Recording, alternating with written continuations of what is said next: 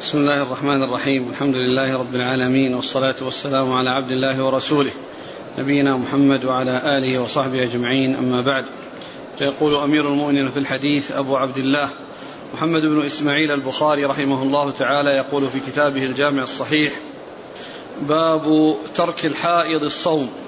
قال حدثنا سعيد بن أبي مريم قال أخبرنا محمد بن جعفر قال أخبرني زيد هو ابن أسلم عن عياض بن عبد الله عن أبي سعيد الخدري رضي الله عنه أنه قال خرج رسول الله صلى الله عليه وعلى آله وسلم في أضحى أو فطر إلى المصلى فمر على النساء فقال يا معشر النساء تصدقن فإني أريتكن أكثر أهل النار. فقلنا وبم يا رسول الله؟ قال تكثرن اللعن وتكفرن العشير. ما رأيت من ناقصات عقل ودين أذهب للب الرجل الحازم من إحداكن. قلنا وما نقصان ديننا وعقلنا يا رسول الله؟ قال أليس شهادة المرأة مثل نصف شهادة الرجل؟ قلنا بلى. قال فذلك من نقصان عقلها. أليس إذا حاضت لم تصل لم تصلي ولم تصم؟ قلنا بلى. قال فذلك من نقصان دينها. بسم الله الرحمن الرحيم. الحمد لله رب العالمين وصلى الله وسلم وبارك على عبده ورسوله نبينا محمد وعلى آله وأصحابه أجمعين أما بعد. يقول الإمام البخاري رحمه الله باب ترك الحائض الصلاة الصوم باب ترك الحائض الصوم. هذه الترجمة معقودة لبيان أن الحائض ليس لها أن تصوم في حال حيضها ولا يجوز له لها ذلك ولو صامت فإنها تأثم ولا يصح صيامها. وأفرد الترجمة بالصوم مع أن الصلاة يعني مثل مثل مثل الصيام أنها لا تصلي وذلك أن الصلاة أشد من الصيام ولأنه يشترط لها الطهارة. الصلاة لا بد فيها من طهارة وهي غير متصفة بهذا الوصف الذي هو الطهارة في حال حيضها. ف فلهذا آه، اقتصر على ترك الصوم. أن الحياة تترك الصوم مع أنها تترك الصلاة لأن الصوم أهون من الصلاة. وذلك أنه آه، يعني لا يشترط فيه لا تشترط له الطهارة. ولهذا لو أن المرأة طهرت يعني في يعني حصل يعني لها يعني طهر أو انقطع عنها الدم قبل الفجر ولكنها لم تغتسل فإن آه، فإنها لها أن تصوم. وإن لم تغتسل وكذلك الجنب إذا جامع ولم يغتسل قبل الفجر وأدركه الفجر وهو لم يغتسل فإنه يصوم.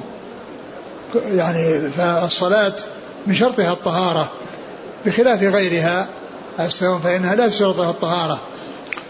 و أورد حديث أبي سعيد الخدري رضي الله عنه أن النبي صلى الله عليه وسلم خرج في يوم عيد في في إضحى أو فطر يعني لصلاة عيد إضحى أو عيد فطر فخرج إلى المصلى وأتى النساء وذكرهن وفي آه، وهذا فيه اختصار لأنه جاء في بعض الروايات أنه أمر الناس بالصدقة يعني خطب الناس وأمرهم بالصدقة ثم أتى النساء وأمرهن بالصدقة.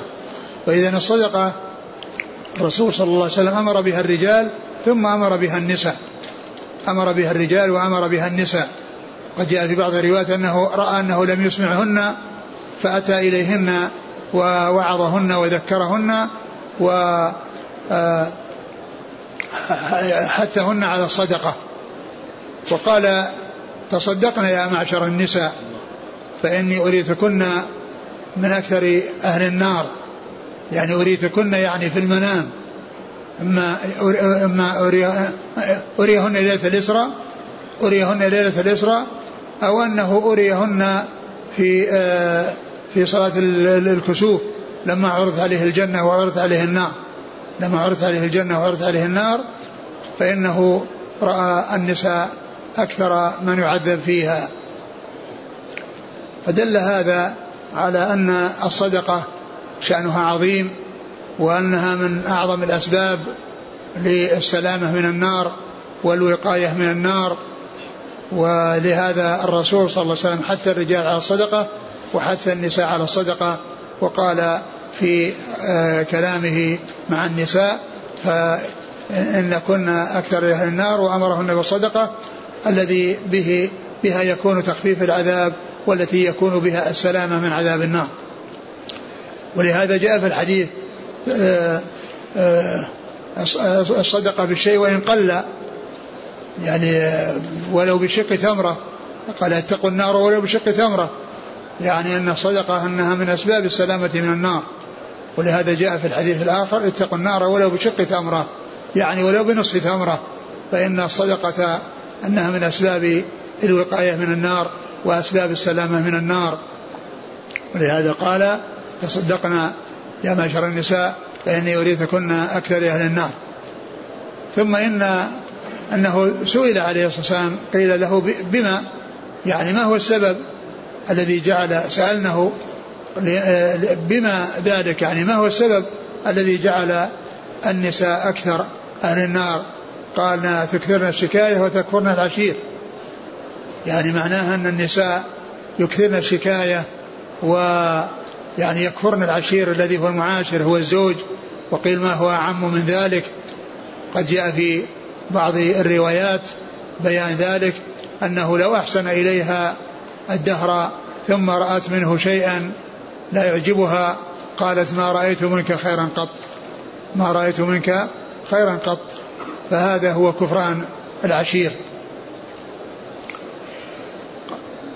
بعده ثم قال ما رأيت ما رأيت من ناقصات عقل ودين. ثم قال عليه الصلاة ما رأيت من ناقصات عقل ودين؟ أسلب أذهب للب. أذهب للب الرجل الحازم من كنا. ما رأيت من ناقصات يعني ما رأيت ناقصات عقل ودين؟ أذهب للب الرجل الحازم من كنا. يعني معناه أنهن يؤثرن على الرجال وأنهن يعني يذهبن عقولهم وأنهم يحصل منهم الاستسلام لهن والانقياد لهن في أمور تعود عليهم بالمضرة. فهذا مع كونها مع كونهن ناقصات عقل ودين فإن الرجل الحازم يؤثرن عليه ويذهبن لبه ويذهبن عقله وذلك بالركون إليهن والاستسلام لهن فيكون بذلك آه، مع كونهن ناقصات عقل ودين فإنهن يؤثرن على الرجال الذين هم أصحاب العقول وأصحاب الألباب وأصحاب الحزم فإن النساء مع هذا الضعف ومع هذا النقص فإنهن يؤثرن على الرجال. ثم يعني آه، سألنا عن نقصان العقل والدين فقال أما نقصان العقل فلأن شهادتها يعني على النصف من الرجل. شهادتها على النصف من الرجل لأنه جاء في القرآن فرجل وامرأتان يعني امرأتان في مقابل رجل فشهادتها عن نصف من شهادة الرجل. وأما نقصان الدين فإنها لا تصوم ولا تصلي في حال حيضها. هذه العبادة التي يؤجر من يفعلها فإنها ممنوعة منها وهذا ليس إليها وليس ب ب ب يعني بشيء يرجع إليها وإنما هو شيء كتبه الله عز وجل على النساء أنهن يحضن وكتب شرعا أنهن لا يصمن ولا يصلين في ذلك فإذا عندهن نقص عن الرجال لأن الرجال يصلون ولا يمتنعون من الصلاة والنساء يمتنعن من الصلاة ومن الصيام بسبب ذلك. والصيام يقضينه ولا من وأما الصلاة فإنها لا تقضى. الصلاة لا تقضى لأنها تتكرر وتكون يعني في أيام كثيرة وصلوات عديدة الله عز وجل خفف عليهن في قضائها. وأما الصيام لكونه لا يأتي في السنة إلا مرة واحدة ويكون أياما محدودة فإنها تقضيه. فجاءت الشريعة بكون الحائض تقضي الصوم ولا تقضي الصلاة. ويعني هذا النقصان الذي آه، حصل لها آه، آه، في يعني في كونها لا تصلي يعني هو من التفاوت يعني بين الناس كما أنه الكامل دون الأكمل والناس يتفاوتون يعني في الإيمان فكذلك يعني يتفاوتون في الكمال وكذلك يتفاوتون في النقص. يتفاوتون في النقص. فالإيمان يزيد يزيد وينقص وهو يعني وهذا النقص الذي حصل لهن بالنسبة للإيمان ليس بأمر يرجع إليهن ليس بذنوب ارتكبنها وأنهن وقعن في أمور محرمة فحصل النقص لأن كما هو معلوم الإيمان يزيد بالطاعة وينقص بالمعصية.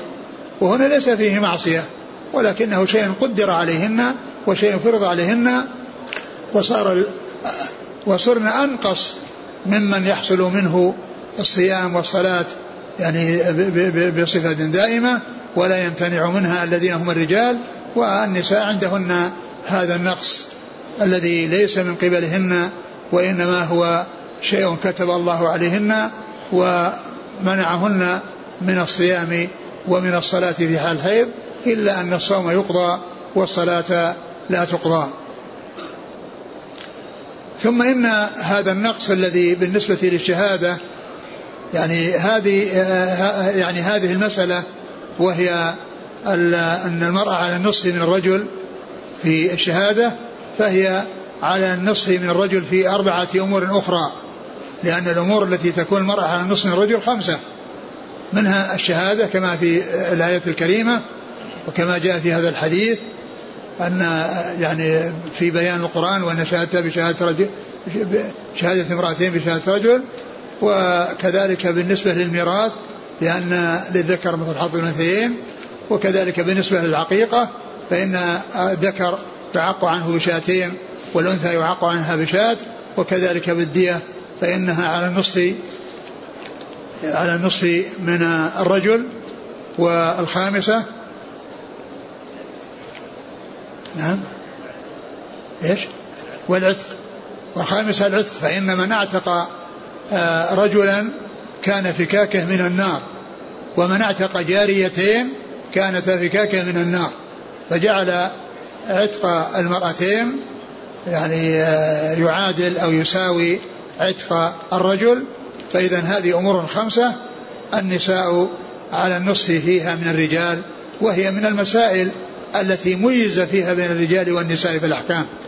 لأن الأصل هو التساوي بين الرجال والنساء في الأحكام وأنه لا يستثنى من ذلك إلا ما دل عليه دليل ومنه هذه الأمور الخمسة التي جاءت الأدلة فيها وكذلك جاءت في أمور أخرى مثل الفرق بين بول الغلام وبول الجارية أن هذا ينضح وهذا يغسل ومثل عند الصلاة على المرأة فإنه يكون عند وسطها ويكون عند وسط الرجل ويعني مواضع عديدة جاءت بها سنة الرسول صلى الله عليه وسلم وقد ذكرت آه، تسعة عشر منها في الفوائد المنتقاة آه، حيث ذكرت آه، تسعة عشرة مسألة من هذه المسائل التي يختلف فيها الرجال والنساء في الأحكام.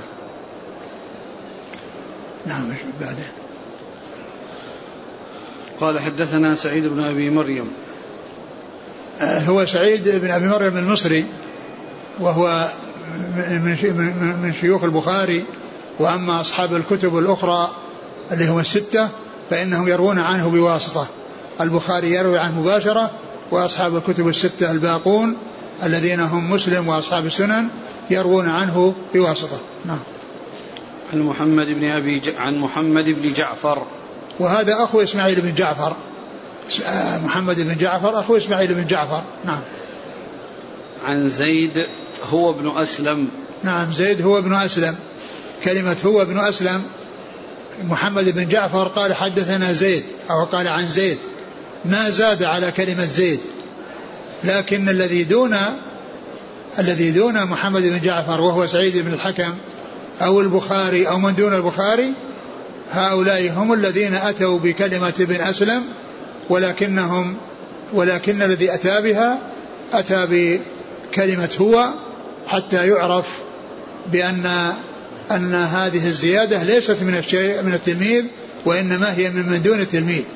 وهذا يدل, يدل على دقة المحدثين وعنايتهم في الروايات وفي الأسانيد وأنهم إذا أرادوا أن يوضحوا رجلا فإنهم لا يأتون به آه، بأكثر مما ذكره التلميذ ولكنهم يأتون بما ذكره التلميذ ويوضحونه بما يحتاج إلى توضيح لكن يأتون بكلمة هو حتى يعرف أنها ليست من التلميذ وإنما هي ممن دون التلميذ. نعم.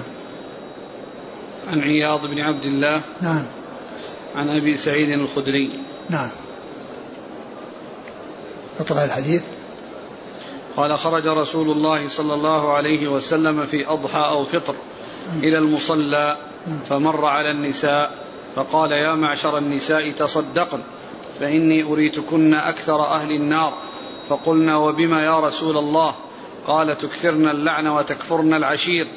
ما رأيت من ناقصات عقل ودين. وهذا يدل على يعني يدل على يعني أن, أن, أن من أسباب كونهن يكثرن اللعن يكثرن اللعن ويكفرن العشير. وهذا يدل على خطورة اللعن وإطلاقه على معين.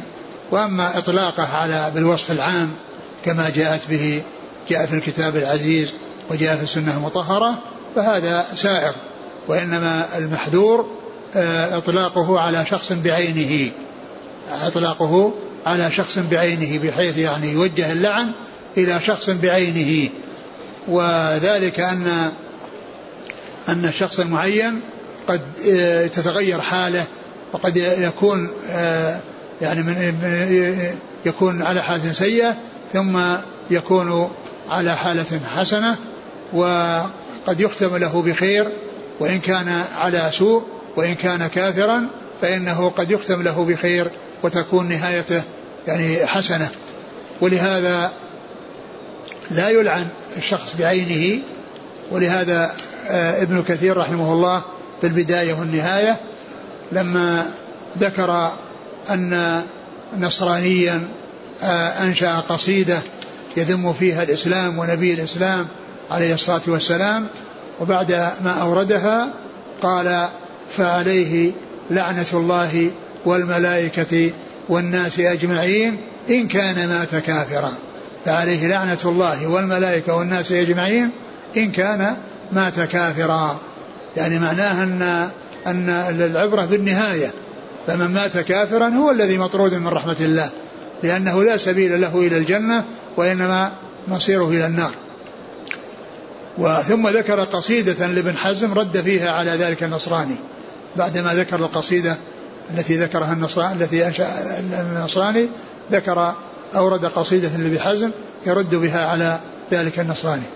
ولما ذكر آه، في ترجمة أبي نصر الفارابي في آه، في البداية والنهاية قال إن إن يعني هذا الرجل كان يقول بمعاد يعني بمعاد ال ال ال ال الأرواح دون معاد معاد معاد الاجساد الاجسام دون معاد الأرواح دون معاد الاجساد فقال بعد هذا فعليه إن كان مات على ذلك لعنة رب العالمين.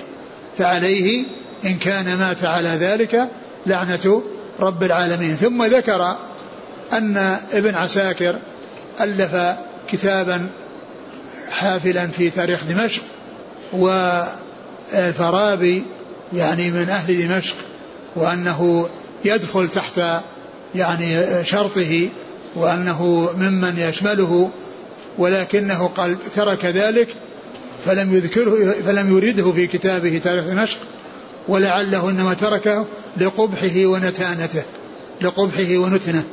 نعم. شكايتها وتكفرون العشير. تكفرون العشير يعني كفر النعمة وجحدها وإنكارها. هذا هو كفر العشير. والعشير هو الزوج أو من يعني ما هو عم من ذلك ممن, ممن يكون بين المرأة وبينه معاشرة من أقاربها. يكفرن العشير. وبعدين ما رأيت من ناقصات عقل ودين أذهب للب الرجل الحازم من إحداكن. قلنا نعم. نعم. وما نقصان ديننا وعقلنا يا رسول الله؟ قال أليس شهادة المرأة مثل نصف شهادة الرجل؟ قلنا بلى. قال فذلك من نقصان عقلها. أليس إذا حاضت لم تصل لم تصلي ولم تصم؟ قلنا بلى. قال فذلك من نقصان دينها. نعم. قال رحمه الله تعالى باب تقضي الحائض المناسك كلها إلا الطواف بالبيت. وقال إبراهيم لا بأس أن تقرأ الآية. ولم ير ابن عباس رضي الله عنهما بالقراءة للجنب بأسا. وكان النبي صلى الله عليه وسلم يذكر الله على كل أحيانه. وقالت أم عطية رضي الله عنها كنا نؤمر أن يخرج الحيض فيكبرن بتكبيرهم ويدعون. وقال ابن عباس أخبرني أبو سفيان رضي الله عنه أن هرقل دعا بكتاب النبي صلى الله عليه وعلى آله وسلم فقرأ فإذا فيه بسم الله الرحمن الرحيم. ويا أهل الكتاب تعالوا إلى, كلم إلى كلمة الآية. وقال عطاء عن جابر حاضت عائشة رضي الله عنهما فنسكت المناسك غير الطواف بالبيت ولا تصلي. وقال الحكم إني لأذبح وأنا جنب. وقال الله ولا تأكلوا مما لم يذكر اسم الله عليه. ثم ذكر بعد هذا باب الحائض تقضي المناسك كلها إلا الطواف بالبيت. الحائض تقضي يعني تؤدي لأن القضاء هنا بمعنى الأداء. القضاء بمعنى الأداء. وأما الترجمة السابقة التي فيها كون المرأة تقضي الصوم ولا تقضي الصلاة هذا مقصود قضاء لأنه آه، يعني أداء للعبادة في غير وقتها لأنها في, غير في الوقت ممنوعة من الصلاة والصيام فهي تقضي الصوم ولا تقضي الصلاة تقضيه بعد ذهاب وقته لأنها في وقته ممنوعة من الصيام ففعله في غير وقته قضاء. وأما فعله في الوقت فهو أداء ويطلق عليه قضاء لأن القضاء يطلق على الأداء ويطلق على القضاء. يطلق على الأداء أداء العبادة في وقتها وعلى القضاء. قوله تقضي المناسك يعني تفعل المناسك وتؤدي المناسك. فإنها تقف بعرفة وتبيت مزدلفة وتبيت بمنى وترمي الجمار وتقصر وتفعل المناسك كلها إلا أنها لا تطوف بالبيت. لأن الطواف بالبيت يشترط له الطهارة. الطواف بالبيت يشترط له الطهارة. فهي لا تطوف بالبيت ولا تسعى بين الصفا والمروة. لكن إن كان إن كان إن كانت المرأة طافت بالبيت وهي طاهرة ثم حصل لها الحيض بعد الطواف وقبل السعي فإنه يجوز لها أن تسعى لأن السعي لا يشترط له الطهارة. الصلاة يشترط لها الطهارة والسعي لا تشترط لها الطهارة. فإذا القضاء هنا بمعنى الأداء وليس بمعنى قضاء الشيء بعد الوقت لأن هذا فعل للشيء بوقته. الوقوف بعرفة في يوم عرفة والبيت مزدلفة إلى مزدلفة ورمي الجمار في أيام منى مثل مثل غيرها من من الناس الذين لم يحصل لهم هذا العذر فإن آه، فإن ذلك يعتبر أداء. وأما القضاء فإنه يطلق على أداء العبادة في غير وقتها ككون الحائض تقضي الصوم بعد خروج وقته لأنها ممنوعة من الصيام في حال أو في وقت الصيام الذي هو شهر شهر رمضان. ثم ذكر الآثار. وقال إبراهيم لا بأس أن تقرأ الآية. وقال إبراهيم يعني النخعي لأن هذا هو المشهور من الفقهاء إذا قيل إبراهيم وأطلق فإنه يراد به إبراهيم النخعي. عند الإطلاق يراد به هذا الفقيه المشهور بالفقه كما أنه مشهور بالحديث إلا أنه مشتهر بالفقه. ولهذا يأتي ذكره في مسائل الفقه دون أن ينسب. يعني أحيانا ينسب وأحيانا لا ينسب. لكنه آه، ينصرف آه، يعني التسمية عليه لأنه هو المشهور بهذا آه، يعني بالفقه ممن يقال له إبراهيم. قال لا بأس أن تقرأ الآية. لا بأس أن تقرأ. الآية. لا بأس أن تقرأ الآية. لا بأس أن تقرأ الآية. يعني أن كونها تقرأ يعني الآية من القرآن لا بأس بذلك. وجاء وبعده ولم يرى ابن عباس بالقراءة للجنب بأسا. ولم يرى ابن عباس بالقراءة للجنب بأسا. يعني أن الجنب له يعني أن يقرأ القرآن. له أن يقرأ القرآن وهو جنب. و آه، لكنه جاء في بعض الأحاديث يعني لم يكن يمنعه شيء من من, من لم يكن يمنعه صلى الله عليه وسلم شيء من من من, من قراءة القرآن إلا الجنابة إلا الجنابة. يعني معناه أن الجنب لا يقرأ. وذلك لأن الجنب آه، آه، جنابته التخلص منها بيده. لأنه يمكن إذا أراد أن يقرأ يغتسل إن كان الماء موجودا وإلا يتيمم ثم يقرأ. فالأمر بيده. أما الحائض فليس الأمر بيدها. لأن لأن لأن مدة الحيض هي ممنوعة من من من الصيام وممنوعة من الصلاة. ولكن بعض أهل العلم يقول أنها لا تقرأ القرآن وبعضهم يقول أنها تقرأ لأن لأن آه، حيضتها ليست بيدها. وليس بإمكانها التخلص منها فبخلاف الجنابة فإن الإنسان يمكن أن يتخلص منها بالاغتسال أو بالتيمم إذا لم يوجد الماء الذي يغتسل به. نعم. وكان النبي صلى الله عليه وسلم يذكر الله على كل أحيانه. وكان النبي صلى الله عليه وسلم يذكر الله على كل أحيانه.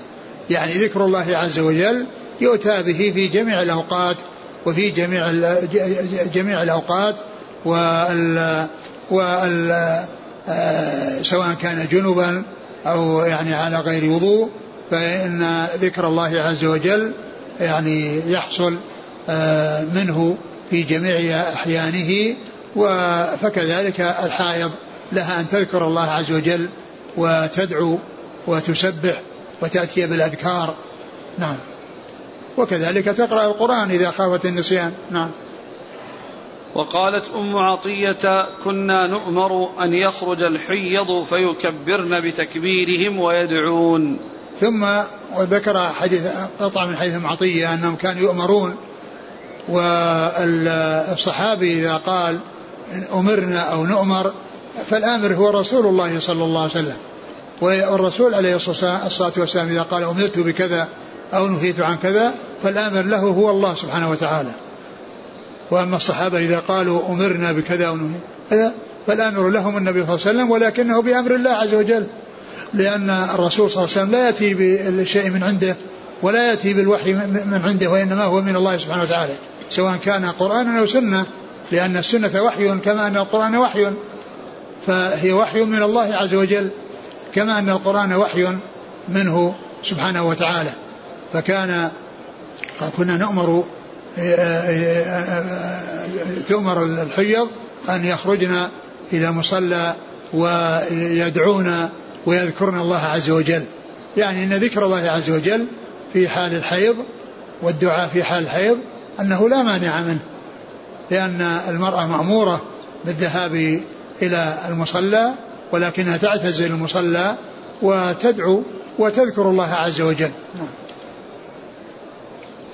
وقال ابن عباس أخبرني أبو سفيان أن هرقل دعا بكتاب النبي صلى الله عليه وسلم فقرأ فإذا فيه بسم الله الرحمن الرحيم ويا أهل الكتاب تعالوا إلى كلمة الآية. ثم ذكر قطعة من حديث ابن عباس عن هرقل الذي كان حصل بينه وبين بين بين بين أبو سفيان وبين هرقل وأن وأن وأن هرقل أخرج كتاب الرسول صلى الله عليه وسلم الذي أرسل أرسل به إليه فقرئ عليه وفيه ويا أهل الكتاب تعالوا إلى كلمة يعني معناه أن فيه آية من القرآن والكافر يعني معناه أنهم يقرؤون الكتاب وفيه هذه الآية فدل هذا على أن أن الجنب أنه يقرأ القرآن لأن الكافر يعني فيه وصف الكفر وفيه وصف الجنابة أيضا لأن لأن لأنهم متصف بالوصفين وصف الكفر ووصف الجنابة عندما يكون عليه جنابة ومع ذلك جاء أنهم يقرؤون هذه الآية. ومعلوم أن هذه حالة يعني آه، خاصة وحالة ضرورة وأيضا يعني شيء يعني بعض آية. نعم. وقال عطاء عن جابر حاضت عائشة فنسكت المناسك غير الطواف بالبيت ولا تصلي. وقال يعني جابر أن أن عائشة رضي الله عنها حاضت ونسكت المناسك إلا أنها لا تصلي لا لا لا, تطوف ولا تصلي. يعني لأنها ممنوعة من من من, من الطواف والصلاة. ممنوعة من الطواف والصلاة.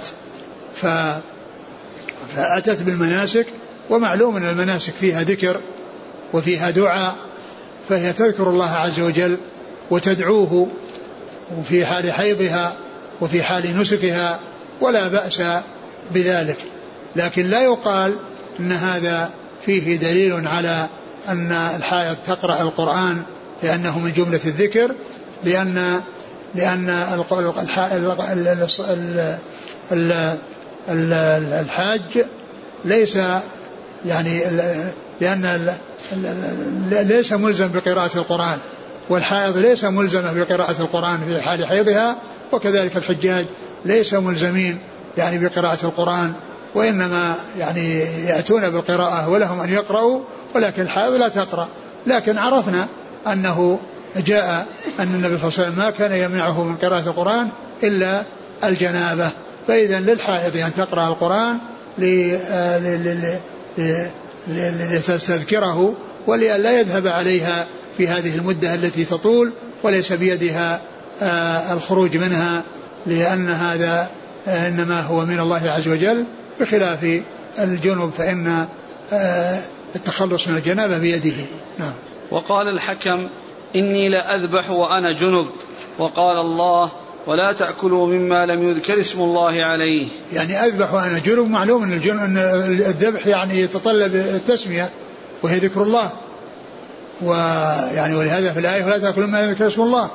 يعني فالذابح عليه أن يذكر الله عز وجل وسواء كان جنبا أو غير جنب لأن ذبح الجنب سائغ وذبح الحائض سائغ و يعني فالحائض إن ذبح تذكر الله والجنوب إذا ذبح يذكر الله عز وجل. ففيه دليل على أن ذكر الله عز وجل من الجنوب والحائض أنه سائغ. نعم. لكن آه، يعني آه، إيراد البخاري لهذه الآثار.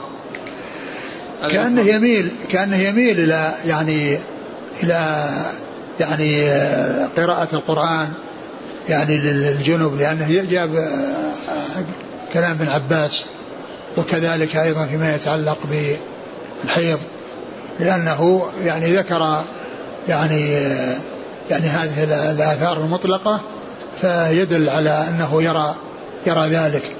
لكن المشهور هو التفريق بين الحيض والجنابة وأن الحائض لها أن تقرأ والجنوب ليس له أن يقرأ إلا إذا اغتسل أو تيمم. نعم. قال حدثنا أبو نعيم قال حدثنا عبد العزيز بن أبي سلمة عن عبد الرحمن بن القاسم عن القاسم بن محمد عن عائشة رضي الله عنها أنها قالت خرجنا مع النبي صلى الله عليه وعلى آله وسلم لا نذكر إلا الحج فلما جئنا سرف طمثت فدخل علي النبي صلى الله عليه وعلى آله وسلم وأنا أبكي فقال ما يبكيك؟ قلت لوددت والله أني لم أحج لوددت والله أني لم أحج العام. قال لعلك نفست قلت نعم. قال فإن ذلك فإن ذلك شيء كتبه الله على بنات آدم. فافعلي ما يفعل الحاج غير ألا تطوفي بالبيت حتى تطهري. ثم ذكر حديث عائشة رضي الله عنها في قصة حجها مع النبي صلى الله عليه وسلم وأنها حاضت بسرف وأنها آه، دخل عليها النبي صلى الله عليه وسلم وهي تبكي فقال ما لك لعلك نفست قالت نعم قال إن هذا شيء كتب الله على بنات آدم. وهذا مر في أول كتاب الحيض في بدء في بدء الحيض وأن هذا شيء آه، حصل للنساء من قديم الزمان وأن بنات آدم آه، في جميع الأزمنة ف يعني كتب الله عليهن يعني هذا الشيء الذي هو الحيض. فتقدم الحديث في أول كتاب الحيض وهنا أورده من أجل الجملة الأخيرة التي كون الحائض آه أن الترجمة شيء؟ نفس الترجمة الأولى. باب تقضي الحائض المناسك كلها نعم. إلا الطواف نعم. يعني من أجل هذه الجملة أن الحائض تقضي المناسك كلها يعني تؤدي المناسك كلها إلا إلا الطواف فإنها لا تطوف وكذلك لا تصلي لأن الصلاة هي ممنوعة منه وأيضا الطواف تبعه تابع له صلاة فهي لا تطوف ولا تصلي بعد الطواف كما أنها لا تصلي في حال حيضها آه، آه، آه، جميع الصلوات. نعم. قال حدثنا أبو نعيم الفضل بن دكين. عن عبد العزيز بن أبي سلمة نعم. عن عبد الرحمن بن القاسم نعم. عن القاسم بن محمد نعم. عن عائشة. نعم.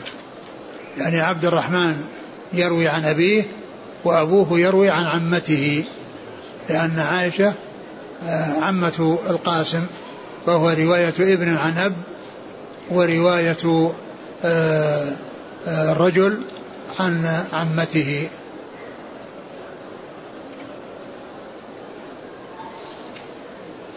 قال رحمه الله تعالى باب الاستحاضة. قال حدثنا عبد الله بن يوسف قال أخبرنا مالك عن هشام بن عروة عن أبيه عن عائشة رضي الله عنها أنها قالت قالت فاطمة بنت أبي حبيش رضي الله عنها لرسول الله صلى الله عليه وعلى آله وسلم يا رسول الله إني لا أطهر أفأدع الصلاة؟ فقال رسول الله صلى الله عليه وسلم إنما ذلك عرق وليس بالحيضة فإذا أقبلت الحيضة فاترك الصلاة فإذا ذهب قدرها فاغسلي عنك الدم وصلي. ثم قال الاستحاضة باب الاستحاضة. والاستحاضة هي آه، خروج آه، الدم من المرأة في غير وقت الحيض. يعني معناه أن الحيض يعني يستمر أن الدم يخرج معها باستمرار. يعني بعضه حيض وبعضه آه، استحاضة. فهي آه، يسيل معها الدم باستمرار. والنساء يعلمن بأنهن وقت الحيض لا يصلين. فلما كانت هذه المرأة التي هي فاطمة بنت أبي حبيش كان يستمر معها معها الدم ولا تطهر.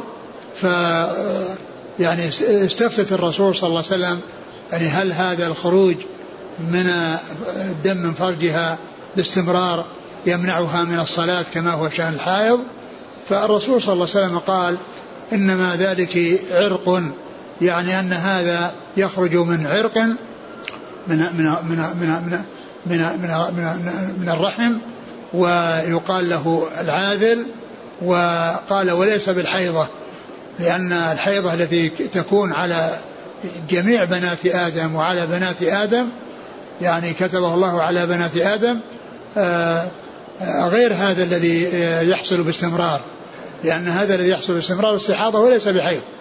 استحاضة وليس بحيض. والحيض يعني هو سيلان سيلان الدم والاستحاضة كذلك سيلان الدم يعني في غير موعد الحيض. يعني في أوقات أخرى غير وقت الحيض. ف يعني عقد هذه الترجمة لحكم الاستحاضة التي هي سيلان الدم في غير موعد الحيض وفي غير زمان الحيض.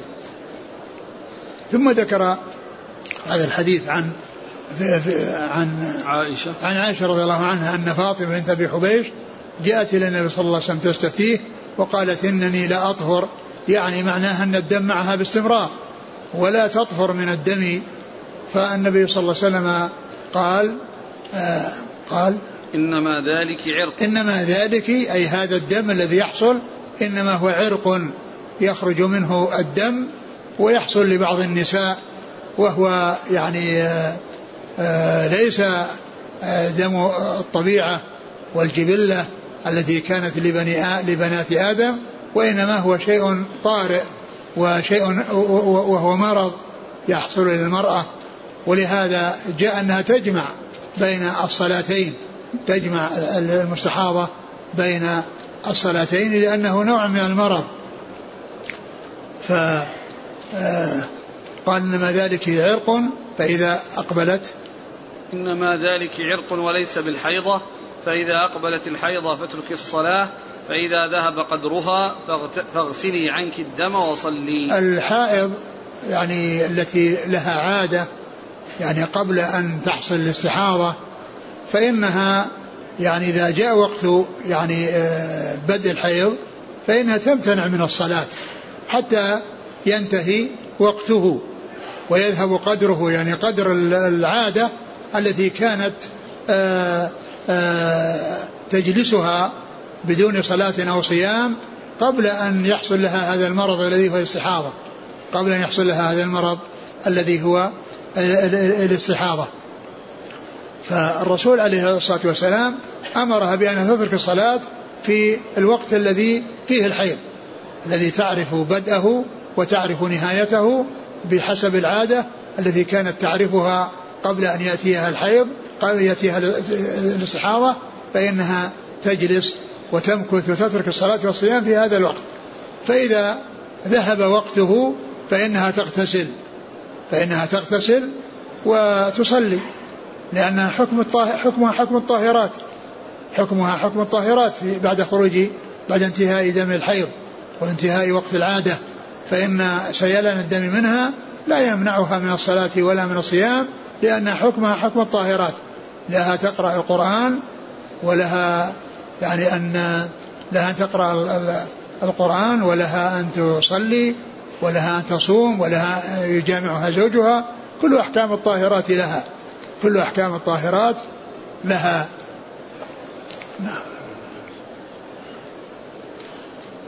فإذا اغتسلي فإذا, فإذا أقبلت الحيضة فاترك الصلاة نعم. فإذا ذهب قدرها فاغسلي عنك الدم وصلي. فاغسلي عنك الدم وصلي يعني بعد الاغتسال. يعني ليس المقصود أنها تغسل الدم يعني آه، بدون اغتسال وإنما تغسل آه، الدم آه، الذي به انتهاء الحيض ثم تغتسل. لأن الاغتسال مطلوب من الحائض ولا يعني يكفي أنها تغسل الدم فقط كما أنها لو لم تكن مستحاضة فإن لا يكفي أنها تغسل فرجها وتزيل الدم الذي على فرجها فكذلك في حال استحاضتها فإنها عند انتهاء الدم تغسل يعني الدم الذي آه، في به انتهاء الحيض وبعد ذلك آه، تغتسل. الاغتسال من من الحيض لا بد منه سواء كان كانت المرأة مستحاضة أو غير مستحاضة؟ سواء كانت المرأة ليس يأتيها الحيض بدون استحاضة أو يأتيها الحيض مع الاستحاضة. فإنه عند انتهاء الحيض في جميع الحالتين فإنها تغتسل. نعم. قال حدثنا عبد الله بن يوسف. نعم التنيسي. عن مالك. نعم. عن هشام بن عروة. نعم. عن أبيه. نعم. عن عائشة. نعم. وهنا يعني هشام يروي عن أبيه وأبوه يروي عن خالته لأن عبد الرحمن بن القاسم ابن محمد يروي عن أبيه وأبوه يروي عن عمته وهذا الذي هو هشام يروي عن أبيه وأبوه يروي عن خالته. فعائشة رضي الله عنها خالت عروة بن الزبير لأنه ابن أسماء بنت أبي بكر وهو أيضا يعني يعني ويروي وكذلك فيما يتعلق بالحديث السابق عبد الرحمن عبد الرحمن يروي عن عن أبيه القاسم والقاسم يروي عن عمته. طيب تذكرون الآن أو فيما بعد أنواع المستحاضات هذا كذا جاء يعني يعني هو سيأتي في المستحاضات الاستحاضة يعني المرأة يعني قد يكون لها عادة وقد يكون لها تمييز وقد يكون ليس لها عادة ولا تمييز. فالتي لها عادة تجلس عادتها والتي لها تمييز يعني تجلس المدة التي فيها تمييز الدم لأن الدم يعني آه، لونه وريحه يختلف عن الاستحاضة. فإذا كان لها عادة مستقرة تأتي بها وإن لم يكن لها عادة ولها تمييز فإنها تجلس المدة التي يكون فيها التمييز لأن لون الدم الحيض يكون أسود وله رائحة خاصة فإنها تجلس هذه المدة التي هي مدة التمييز. وإذا لم يكن لا هذا ولا هذا فإنها يعني تجلس يعني في كل شهر يعني أغلب الحيض أو أكثر الحيض الذي هو ست أو سبع. نعم. قال رحمه الله تعالى باب غسل دم المحيض. قال حدثنا عبد الله بن يوسف قال أخبرنا مالك عن هشام عن فاطمة بنت المنذر عن أسماء بنت أبي بكر رضي الله عنهما أنها قالت سألت امرأة رسول الله صلى الله عليه وسلم فقالت يا رسول الله أرأيت إحدانا إذا أصاب ثوبها الدم من الحيضة كيف تصنع؟ فقال رسول الله صلى الله عليه وعلى آله وسلم إذا أصاب ثوب إحداكن الدم من الحيضة فلتقرص ثم لتنضح ثم لتنضحه بماء ثم ثم لتصلي فيه.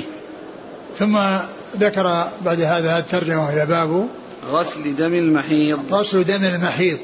الدم الذي يأتي من الحيض أو من المحيض هو نجس وإذا أصاب الثوب فإنه يجب غسله يجب غسله وإزالة النجاسة بالماء.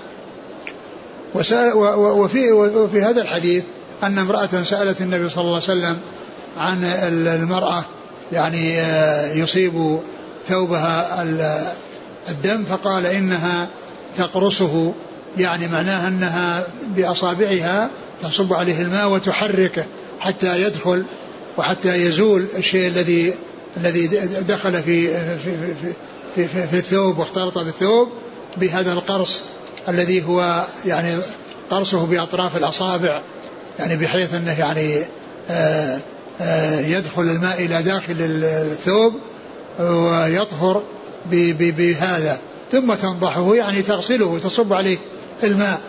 يعني أولا تغسله وتفركه بأصابعها وتقرصه بأصابعها حتى يدخل إلى الداخل وحتى إذا كان فيه شيء له جرم يعني يزول ويتلاشى بهذا بهذا الفعل ثم آه، ترشه بالماء أو تنضحه بالماء يعني بعد ذلك يعني والنضح المقصود به الغسل. نعم. قالت أسماء سألت امرأة رسول الله صلى الله عليه وسلم فقالت يا رسول الله أرأيت إحدانا إذا أصاب ثوبها الدم من الحيضة كيف تصنع؟ فقال صلى الله عليه وسلم إذا أصاب ثوب إحداكن الدم من الحيضة فلتقرصه ثم لتنضحه بالماء ثم لتصلي فيه. يعني هذا يعني إذا كان إنها بحاجة إلى الصلاة فيه فإنها تفعل هذا الفعل. وإن كان تبدله بثوب آخر يعني فتلبس يعني لباس نظيف وليس فيه نجاسة وتصلي فيه لكن هذا لا تستعمله إلا بعد غسله. لا تستعمله في الصلاة إلا بعد غسله. نعم. قال حدثنا عبد الله بن يوسف عن مالك عن هشام عن فاطمة بنت المنذر فاطمة بنت المنذر هي زوجة هشام بن عروة وهي ابنة عمه فهو يروي عن زوجته وزوجته تروي عن جدتهما أسماء نعم. عن أسماء بنت أبي بكر نعم. قال حدثنا أصبغ قال أخبرني ابن وهب قال أخبرني عمرو بن الحارث عن عبد الرحمن بن القاسم حدثه عن أبيه عن عائشة رضي الله عنها أنها قالت كانت إحدانا تحيض ثم تقرص الدم من ثوبها عند طهرها فتغسله وتنضح على سائره ثم تصلي فيه ثم ذكر حديث عائشة رضي الله عنها قالت كانت إحدانا تحيض نعم. ثم تقترص الدم من ثوبها تحيض ثم تقترص الدم من ثوبها يعني معناه أنها تقرصه مثل ما جاء في الحديث السابق تقرصه يعني بأصابعها تحط عليه الماء تصب عليه الماء وتقرصه وتحركه حتى يدخل. نعم. تقرصه. ثم تقترص الدم من ثوبها عند طهرها. نعم. فتغسله وتنضح على سائره. نعم. ثم تصلي فيه. نعم. تنضحه تنضحه يعني تغسله تغسل هذا المكان الذي فيه فيه ثم تنضح على سائره يعني على يعني ما حوله يعني على ما حوله يعني يعني حتى تطمئن إلى إلى إلى إلى سلامة يعني البقعه وما حولها. نعم. قال حدثنا أصبغ ابن الفرج. عن ابن وهب عبد الله بن وهب. عن عمرو بن الحارث. نعم. عن عبد الرحمن بن القاسم عن أبيه عن عائشة. وهذا الإسناد نصفه الأول مصريون والنصف الأعلى مدنيون لأن أصبغ وابن وهب وعمرو الحارث مصريون وعبد الرحمن بن القاسم وأبوه وعائشة رضي الله عنها مدنيون. قال رحمه الله تعالى باب الاعتكاف للمستحاضة. قال حدثنا إسحاق قال حدثنا خالد بن عبد الله عن خالد عن عكرمة عن عائشة رضي الله عنها أن النبي صلى الله عليه وعلى آله وسلم اعتكف مع بعض نسائه وهي مستحاضة ترى الدم فربما وضعت الطست تحتها من الدم وزعم أن عائشة رضي الله عنها رأت ماء العصفر فقالت كأن هذا شيء كانت فلانة تجده. ثم ذكر باب اعتكاف المستحاضة. المستحاضة تؤدي جميع العبادات لأنها حكمها حكم الطاهرات. فلها فهي تصلي وتصوم وتعتكف وتطوف وتمكث في المسجد وتقرأ القرآن وجميع الأمور التي هي للطاهرات لها. في حال استحاضتها في حال استحاضتها أي التي بعد الحيض بعدما تغتسل من الحيضة بعد انتهاء وقتها فإن المدة التي بعد ذلك إلى أن تأتي الحيضة الثانية فإنها حكمها حكم الطاهرات حكمها الطاهرات فتعتكف وتمكث في المسجد عن عائشة رضي الله عنها أن النبي صلى الله عليه وسلم اعتكف مع بعض نسائه وهي مستحاضة ترى الدم فربما وضعت الطست تحتها من الدم. وزعم أن عائشة رأت ماء العصفر فقالت كأن هذا شيء كانت فلانة تجده. يعني هذا الحديث فيه أن أن المستحاضة أنها تعتكف وتؤدي جميع العبادات وأنه لا فرق بينها وبين الطاهرات يعني في في في جميع الأحكام إلا أنها آه، آه، تتوضأ لكل لكل صلاة و يعني مثل الذي في آه، الحدث الدائم وكذلك لها أن تجمع بين الصلاتين التي يجمع بينهما وهي الظهر والعصر والمغرب والعشاء كما جاءت بذلك السنة عن رسول الله صلى الله عليه وسلم وإلا فإنها موافقة لغيرها من الطاهرات في يعني في في في في, في جميع الأحكام. وذكر هنا يعني أن إحدى نسائه أو واحدة من نسائه قيل إنها زينب بنت جحش وقيل إنها أم سلمة وقيل إنها أم حبيبة وقيل إنها يعني من من من من نسائه اللي ليس زوجاته وإنما هن من المحارم نسائه يعني ممن هن من محارمه صلى الله عليه وسلم. وقالت إن, إن أنها كانت آه، تصيبها الاستحاضة وأنها آه، تكون في الطشت. فربما وضعت الطست تحتها من الدم. وربما وضعت الطشت تحتها من الدم يعني لكثرة سيلانه يعني تضع الطشت يعني حتى يكون الدم الذي يسيل منها يكون في الطشت الذي هو الوعاء الكبير الذي تغسل به الثياب كما سبق أن مر بنا في بعض الأحاديث أنه يعني آه، تغسل به الثياب لسعته ولاتساعه ونعم وزعم أن عائشة رأت ماء العصفر فقالت كأن هذا شيء كانت فلانة تجده. وأنها رأت يعني عائشة ماء العصفر يعني الذي هو لونه أصفر فقالت إن هذا مثل آه، آه، الدم الذي كانت تجده فلانة يعني من الاستحاضة يعني أن هذا شبيه بهذا تذكرت لما رأت العصفر أو الماء الذي فيه العصفر يعني وكان لونه يعني يشبه لون ذلك الدم الذي يخرج من فلانة التي يعني كنت عنها بقولها فلانة نعم. قال حدثنا إسحاق عن من؟ عن خالد بن عبد الله إسحاق بن؟ ابن شاهين الواسطي. نعم. عن خالد بن عبد الله هو الطحان الواسطي أيضا. عن خالد بن مهران الحداء عن عكرمة مولى بن عباس. عن عائشة. نعم. قال حدثنا قتيبة قال حدثنا يزيد بن زريع عن خالد عن عكرمة عن عائشة رضي الله عنها أنها قالت اعتكفت اعتكفت مع رسول لا اعتكفت مع رسول الله صلى الله عليه وسلم امرأة من أزواجه فكانت ترى الدم والصفرة والطست تحتها وهي تصلي. ثم ذكر هذا الحديث عن عائشة أنها اعتكف من أزواجه. وهذا في التنصيص على أنها زوجة من أزواجه بخلاف اللفظ الأول الذي يحتمل أن تكون من نسائه اللي هن أزواجه أو من نسائه التي هن من محارمه صلى الله عليه وسلم. هنا فيه التنصيص على أنها واحدة من أزواجه. قال إيش؟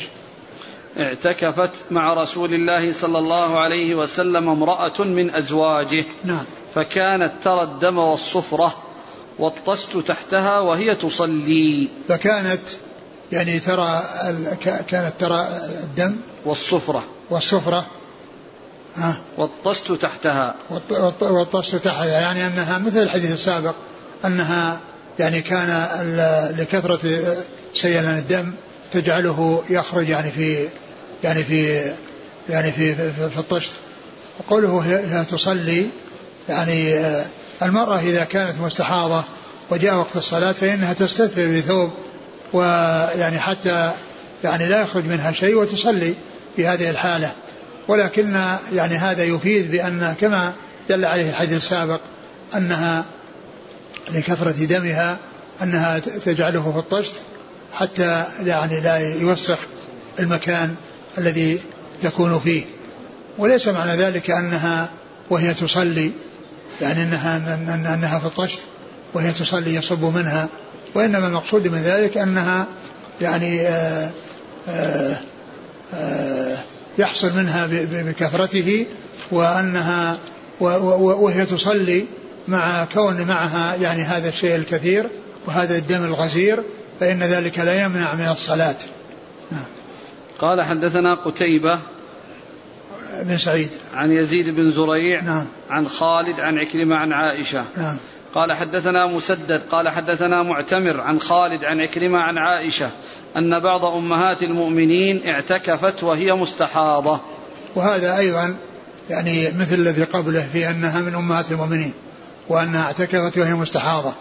فالأحاديث الثلاثة التي أوردها المصنف يعني كلها دالة على أن المستحاضة حكمها حكم الطاهرات وأنها تعتكف كما أنها تصلي وتصوم ويجامعها زوجها وتقرأ القرآن وتفعل كل ما يفعله الطاهرات. نعم. قال حدثنا مسدد نعم. عن معتمر بن سليمان. عن خالد عن عكرمة عن عائشة. نعم. نعم. والله أعلم وصلى الله وسلم وبارك على عبده ورسوله نبينا محمد وعلى آله وأصحابه أجمعين.